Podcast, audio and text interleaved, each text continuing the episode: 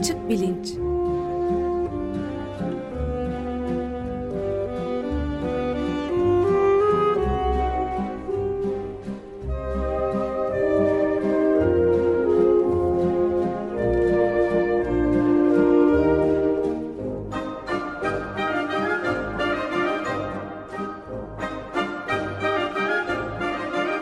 Güven Güzeldere ile bilim ve felsefe sohbetleri.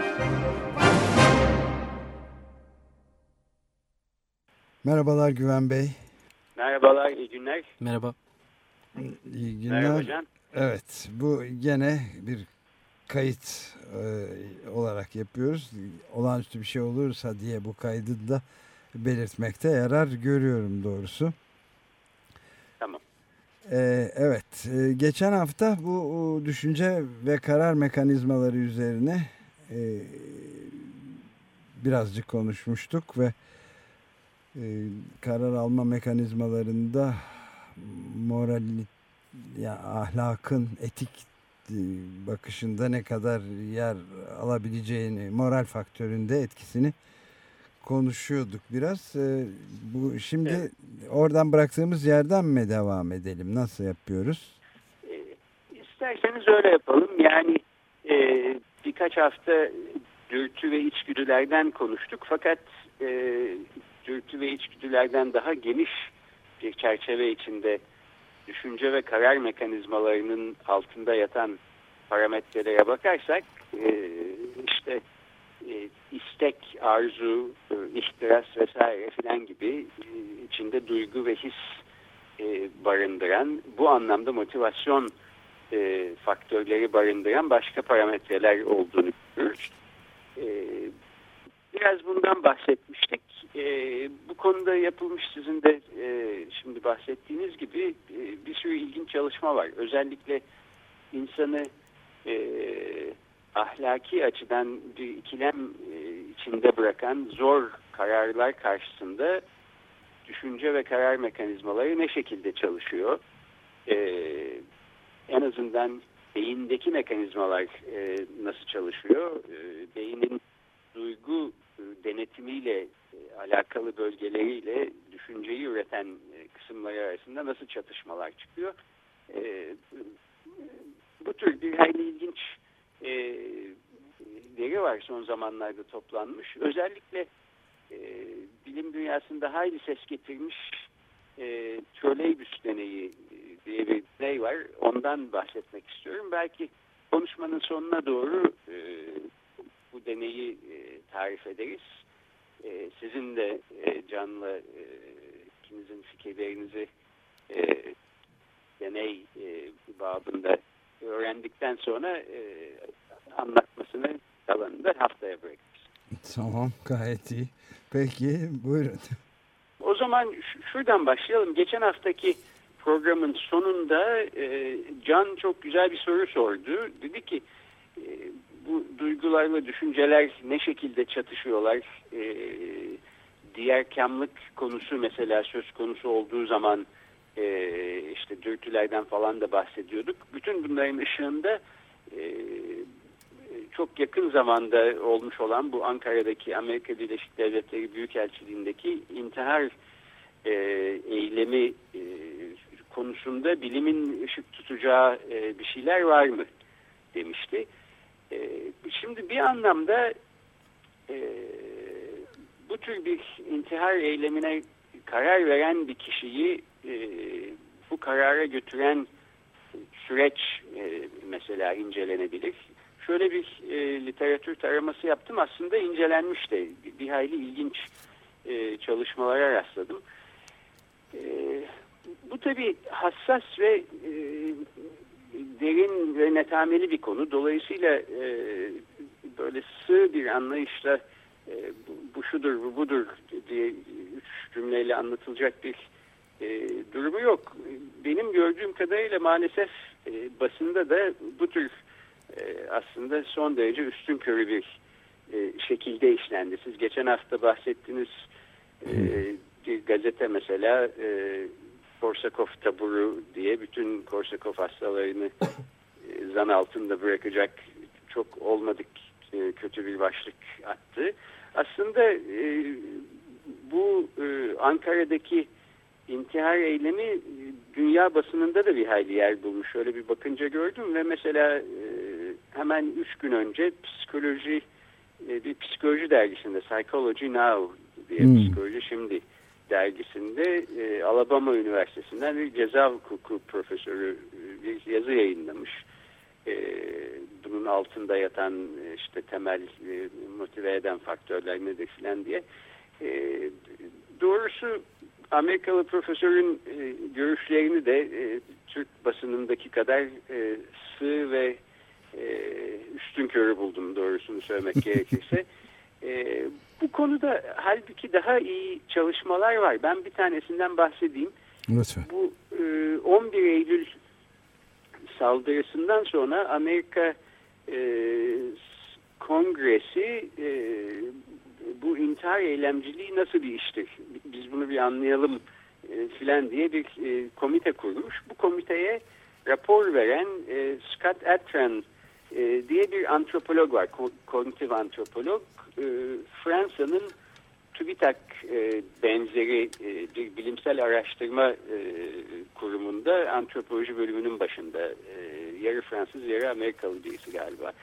Daha önce de aslında e, dini inançların antropolojisi üstüne yazmış olduğu bir kitap var. E, benim beğendiğim bir kitaptır. Değerli bir antropolog. O mesela e, bu kongrede bir rapor vermiş ve bu raporun temelinde de Science dergisinde bir yazı yayınlamış 2003'te. E, intihar eylemciliğinin e, ortaya çıkışı e, başlıklı.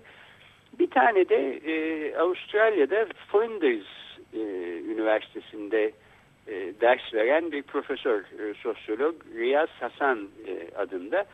O da e, Life as a Weapon, The Global Rise of Suicide Bombings diye bir e, kitap yayınlamış 2010 senesinde. Yani e, bir silah olarak hayat, e, e, intihar eylemciliğinin e, küresel yükselişi e, diye çevrilebilir. Bütün bu çalışmalarda herkes şunu söylüyor. E, bu tür bir eylemin arkasında genellikle e, üç temel faktör olduğu düşünülüyor. Yani demografik olarak, sosyoekonomik olarak, psikolojik, dinsel inançlar itibariyle birbirinden çok çok çok farklı yerlerden gelen insanların e, ortak paydada buluştuğu bir e, üç saç ayaklı bir e, platform olduğunu e, iddia ediyorlar. Bir tanesi e, bir tür e, onur zedelenmesi ya da e, haysiyet zedelenmesi, e, küçük e, düşme ve çaresizlik e, durumu e, şeyin e, tarihçesinde e, bu tür eylemlere girişen insanların. E, ikincisi e, bundan kaynaklanan adaletsizlik karşısında duyulan öfke, e, bir mukabele isteği e, ve bunun e, yol açtığı bir intikam duygusu. E, üçüncüsü de bizim üstünde bir hayli e, konuştuğumuz diğerkamlık e, meselesi. Yani e, başkalarının çıkarları ya da e, müşterek çıkar ve değerler için e, feda e, diye belki e, özetlenebilir. E, bu tabii e, ilginç bir şey. E, baktığınız zaman bu üç faktörü bir arada tutarak e, belki bu e, eylemcilik e, türünün altında yatan e, motive motivasyon e, nedir? Bunu insan bir parça daha iyi anlamış olabilir diye düşünüyorum. Yani e, benim basında e, çıkan e, yazılara baktığım zaman gördüğüm şey e, bu tür bir açıklamayı içermiyor. E, mesela yine Radikal Gazetesi'nde yazan birisi e, demiş ki işte bu eylemi yapan insanla zamanında ona işkence yapan kişi aslında birbirinin ikiz kardeşidir. Aynı motivasyonla hareket ediyorlardır filan. E, halbuki e, işkencecinin e, hayatında herhangi bir diğer kamlık ya da adaletsizlik karşısında duyulan öfke, mukabele e, isteği filan gibi bir şey ben doğrusu görmüyorum. Belki bir ideolojiye inançtan e, dolayı e, başka türlü e, mazur gösterilemeyecek e, cinayet gibi bir şeye e, yönelme itibariyle bir ortak payda bulunabilir ama bunun dışında e, mesela o analiz bir hayli sığ kalmış. Bu e, Alabama Üniversitesi'ndeki profesör de e, diyor ki e, bu insan büyük ihtimalle işte bu Wernicke-Korsakoff hastalığı yüzünden e, acı çekiyordu. Hayatının kalitesi düşmüştü. Bu saatten sonra yaşasam ne olur, yaşamasam ne olur diye düşündüğünden hmm. zaten hayatı değersizleştiği için böyle bir şey yapmıştır filan diyor. E, bunu söylemesi için de elinde aslında hiçbir e, bulgu yok. Bizim de yok. Ben de bilmiyorum ama e, bunu böyle bir e, şey uzman edasıyla yazmış, orada yayınlamış. E, halbuki e, söylemeye çalıştığım bu konuda e, daha derinlikli ve daha hassas bir şekilde olaya eğilen e, çalışmalar var. En e, beğendiğim çalışmalardan bir tanesi de işte bu Riyaz Hasan'ın kitabı. E, bizim basından da iki tane örnek vereyim. Son zamanlarda yazılmış şeyler değil ama iki güzel inceleme. Bir tanesi Ayşe Hür'ün e, intihar bombacısı kadınlar üstüne yaptığı yazdığı bir yazı 2006'da Birikim dergisinde çıkmış. E, diğeri de Ruşen Çakır'ın 2005 senesinde e, intihar eylemciliğini anlatan 2-3 e, tane kitabı incelediği e, Vatan Gazetesi'nin kitap ekinde çıkmış. E, bu konulara bakacaksak e, bu tür Ayşe Hür'ün, Ruşen Çakır'ın yazdıkları aynasında bakmak gerekir diye düşünüyorum. E, Radikal Gazetesi'nin sansasyonel acayip e, başlıklarında görmemek e, gerekir. Genel olarak e, bu konuda söylemek isteyeceğim şey bu. E, bir de belki şundan bahsedeyim. E, Korsakov hastalığı, Korsakov 19. E, yüzyılda yaşamış bir e, Rus nöropsikiyatr. Bir de aynı zamanlarda yaşamış Alman bir nöropsikiyatr var. Wernicke bu da. E, Wernicke Korsakov hastalığı diye e, adlandırılıyor e, genellikle bu açlık grevlerinin sonucunda oluşan hastalık.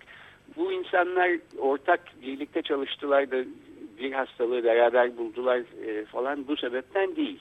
Aslında bunlar iki ayrı sendrom.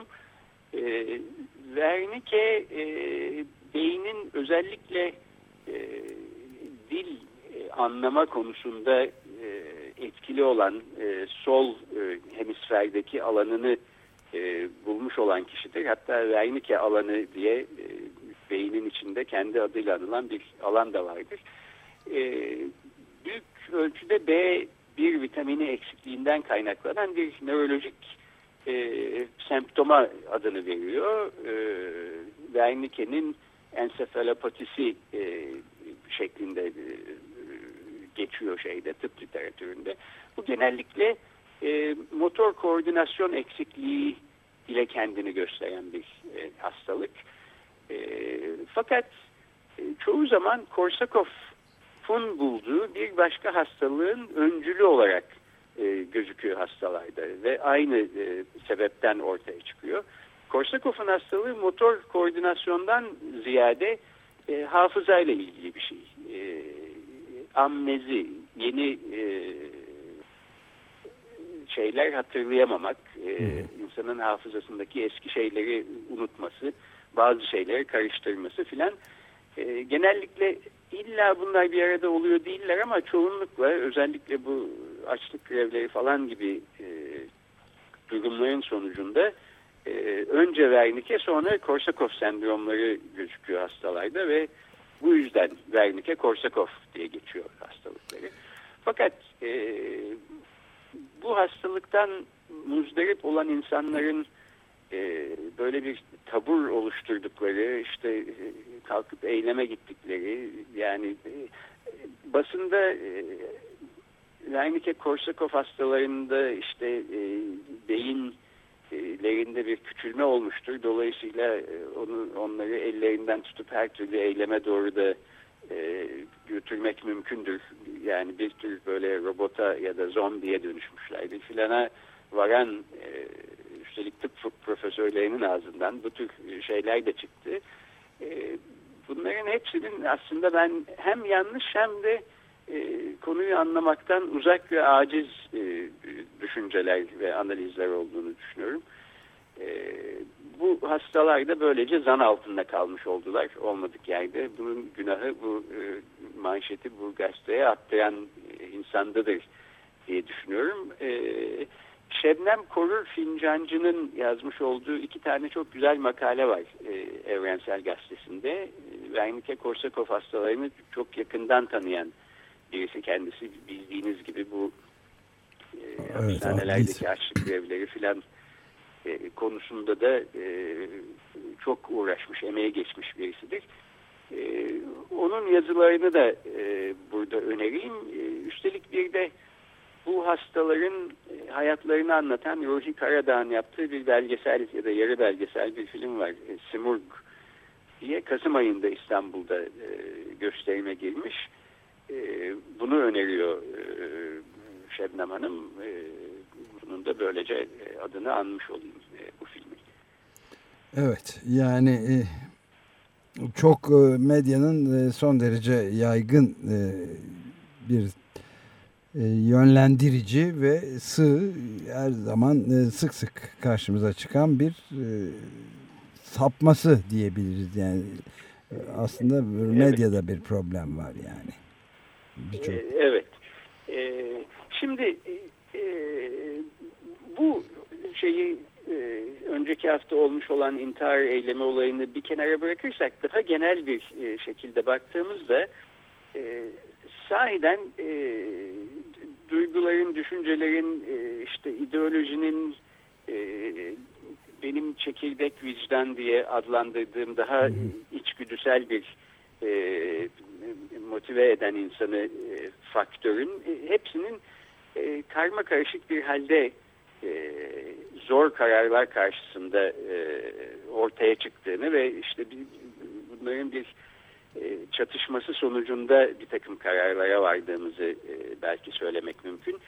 E, burada e, aslında pek çok örnek var. Yani e, insana başka durumlarda mesela e, ilkesel itibarla e, doğru gözükmeyen bir hareket e, insan belki onu çok istiyorsa e, kazanacağı ya da kaybedeceği şeylerin e, miktarı e, giderek giderek artıyorsa e, bu doğru gibi gözükmeyen e, davranış mesela bir süre sonra belki de olabilir niye olmasın şeklinde bir mazeretle birlikte e, kabul edilebilir gibi gözükmeye başlayabilir. Yani akıl yürütme bir şekilde e, duyguların, isteklerin e, esiri olarak e, bir transformasyon geçirebilir.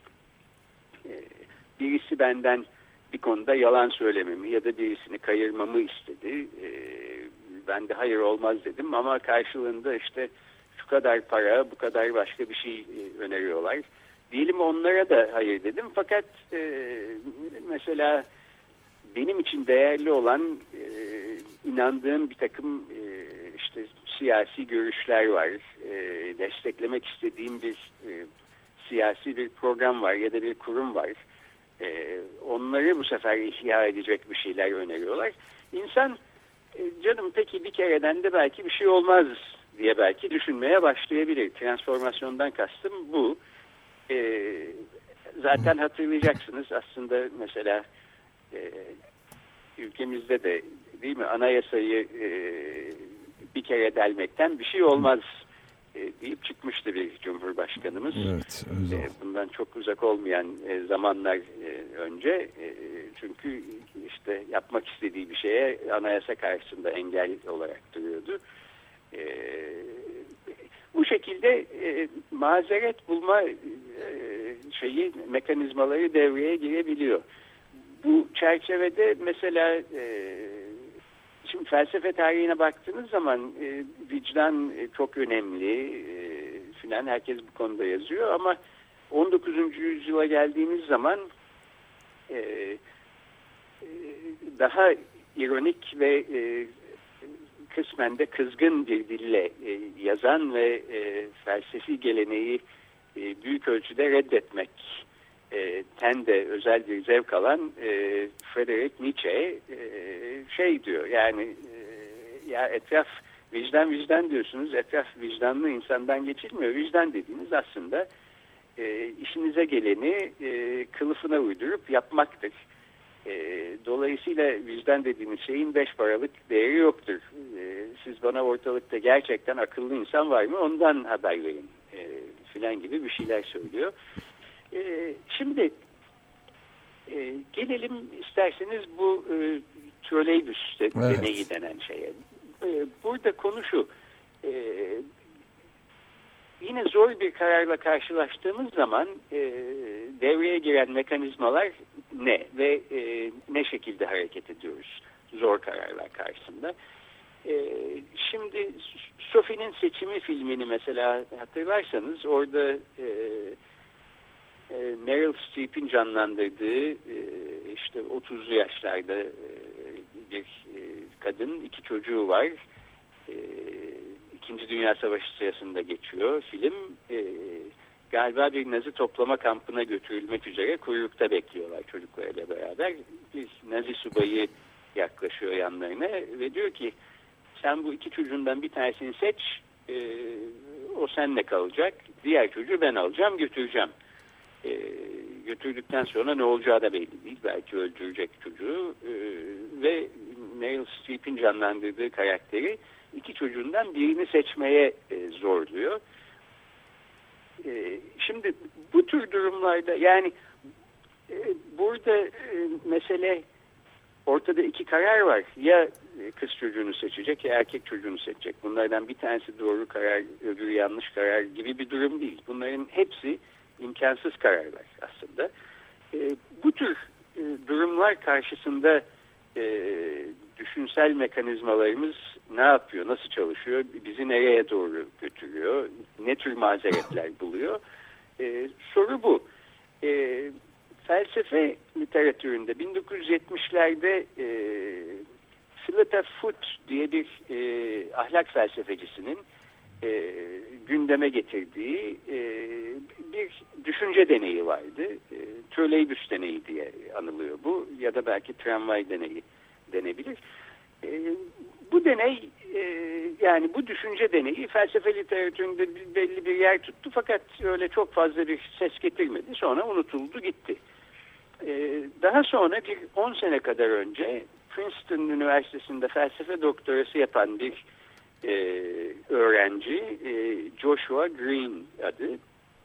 E, bu konuyla yeniden ilgileniyor. E, fakat felsefi olarak aldığı cevapları yeterli bulmuyor. E, bunun altında başka ışık tutulacak daha ilginç bir şeyler de olsa gerek diye düşünüyor. Ve doktorasını bitirdikten sonra e, kognitif nörobilim konusunda doktora sonrası araştırmalar yapmaya başlıyor ve giderek e, bir beyin bilimcisi haline geliyor. Ve bu troleybüs deneyini e, çözmeye çalışan insanların beyinlerinde ne oluyor bunu e, inceleyerek e, ün kazanıyor. E, şu anda da e, Harvard Üniversitesi Psikoloji bölümünde e, yardımcı doçent olarak e, çalışıyor. Yakınlarda kitabı çıkacak filan e, çok akıllı e, bir kişidir. E, bu troleybüs deneyi ne? Ben hemen şimdi deneyi anlatayım. Sizin e, cevaplarınızı alayım. Sonra da e, bilimsel çalışmanın e, şeyini e, açıklanmasını haftaya bırakalım. tamam. E, şeyde e, troleybüs deyince hep benim aklıma San Francisco geliyor. E, çünkü çok e, yüksek tepeleri e, olan e, İstanbul'dan da daha yüksek tepeli bir şehir. E, içinde tramvayı da vardır. E, biz belki yeterince irtifa söz konusu değil ama Bahariye'den diyelim bindik e, şeye e, tramvaya Kadıköy'e doğru iniyoruz öyle düşünün. E, tramvayda bir tek siz varsınız. E, bir de kondüktör var. E, başka kimse yok. E, giderek hızlanıyor tramvay ve bir noktada kondüktör eyvah e, frenler patladı tutmuyor diyor size. Siz ne yapacağız acaba diye düşünürken bir de üstüne üstlük kalp krizi geçirip yere yığılıyor kondüktör. Şimdi bir tek siz kalmış vaziyettesiniz tramvayın e, tramvayı kontrol edebilecek e, kişi olarak ve e, baktığınız zaman e, yoldan aşağı doğru raylardan e, tramvayın yolu üstünde e, arkaları dönük oynamakta olan 4-5 yaşlarında 5 tane çocuk görüyorsunuz. E, saniyeler içinde bir şey yapmazsanız tramvay bu 5 çocuğu e, birden ezecek ve e, şimdi bu düşünce deneyi olması itibariyle şeyi varsayalım beşini birden öldürecek. E, çocukların başka bir kaçış ihtimali olmasın. Yani birisi geldi onları son anda çekti kurtardı filan söz konusu değil. Fren, freni de tutmuyor tramvayın. Son hızla yaklaşıyorsunuz bu felakete doğru. E, fakat o sırada görüyorsunuz ki aslında bir e, çatala doğru geliyor e, e, tramvay ve e, direksiyonu sola doğru kırarsanız soldaki çatala girecek. E, çocuklar sağdaki çatalın üstünde oynuyorlar.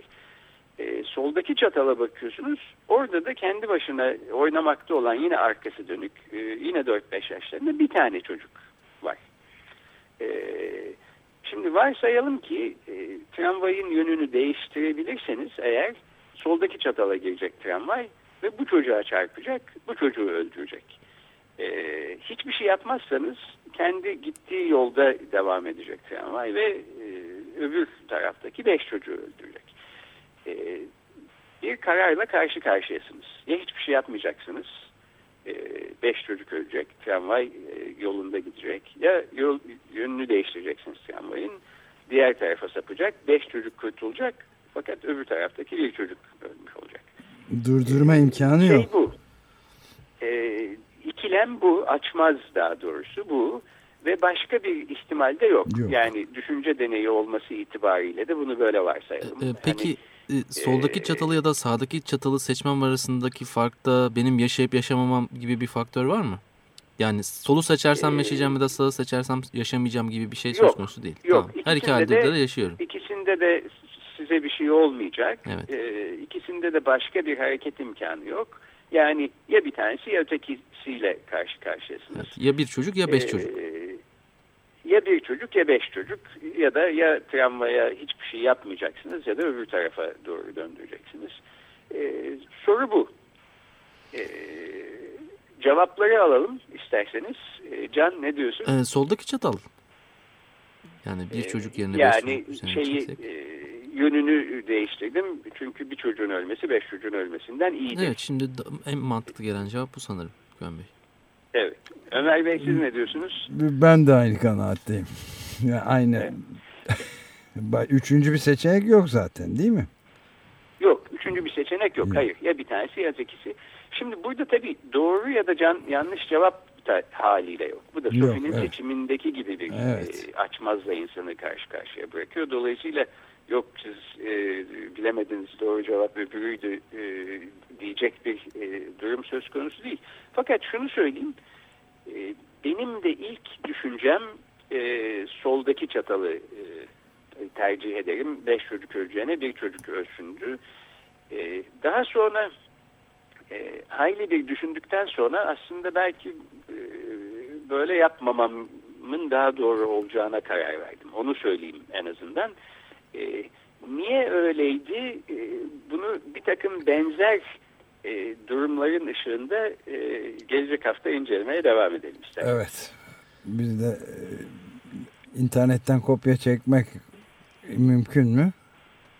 E, eminim mümkündür. Bakarsanız hemen bulursunuz. Fikrinizi değiştirir misiniz bilmiyorum ama e, en azından e, bir parça üstünde düşünmeye değer. Evet, değer yani değer, acaba hakikaten. hiçbir şey yapmamak e, niye e, yeğlenebilecek bir, bir şey, seçenek şey, evet. olabilir? Karşımıza böyle e, çıkmasının da bir takım iyi doğru nedenleri olabilir mi? E, bu hafta bunu düşünelim. E, haftaya devam edelim. Peki çok teşekkür ederiz Güven Bey. Görüşmek üzere. Peki. Görüşmek üzere. Ben teşekkür ederim. Görüşmek üzere.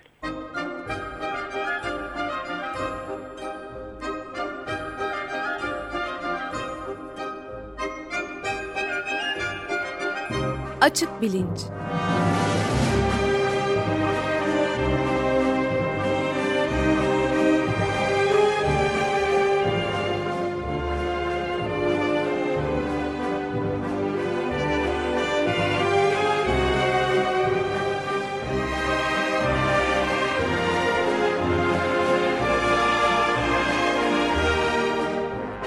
Güven Güzeldere ile bilim ve felsefe sohbetleri.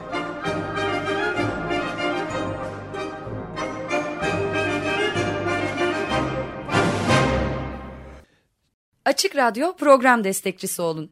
Bir veya daha fazla programa destek olmak için 212 alan koduyla 343 41 41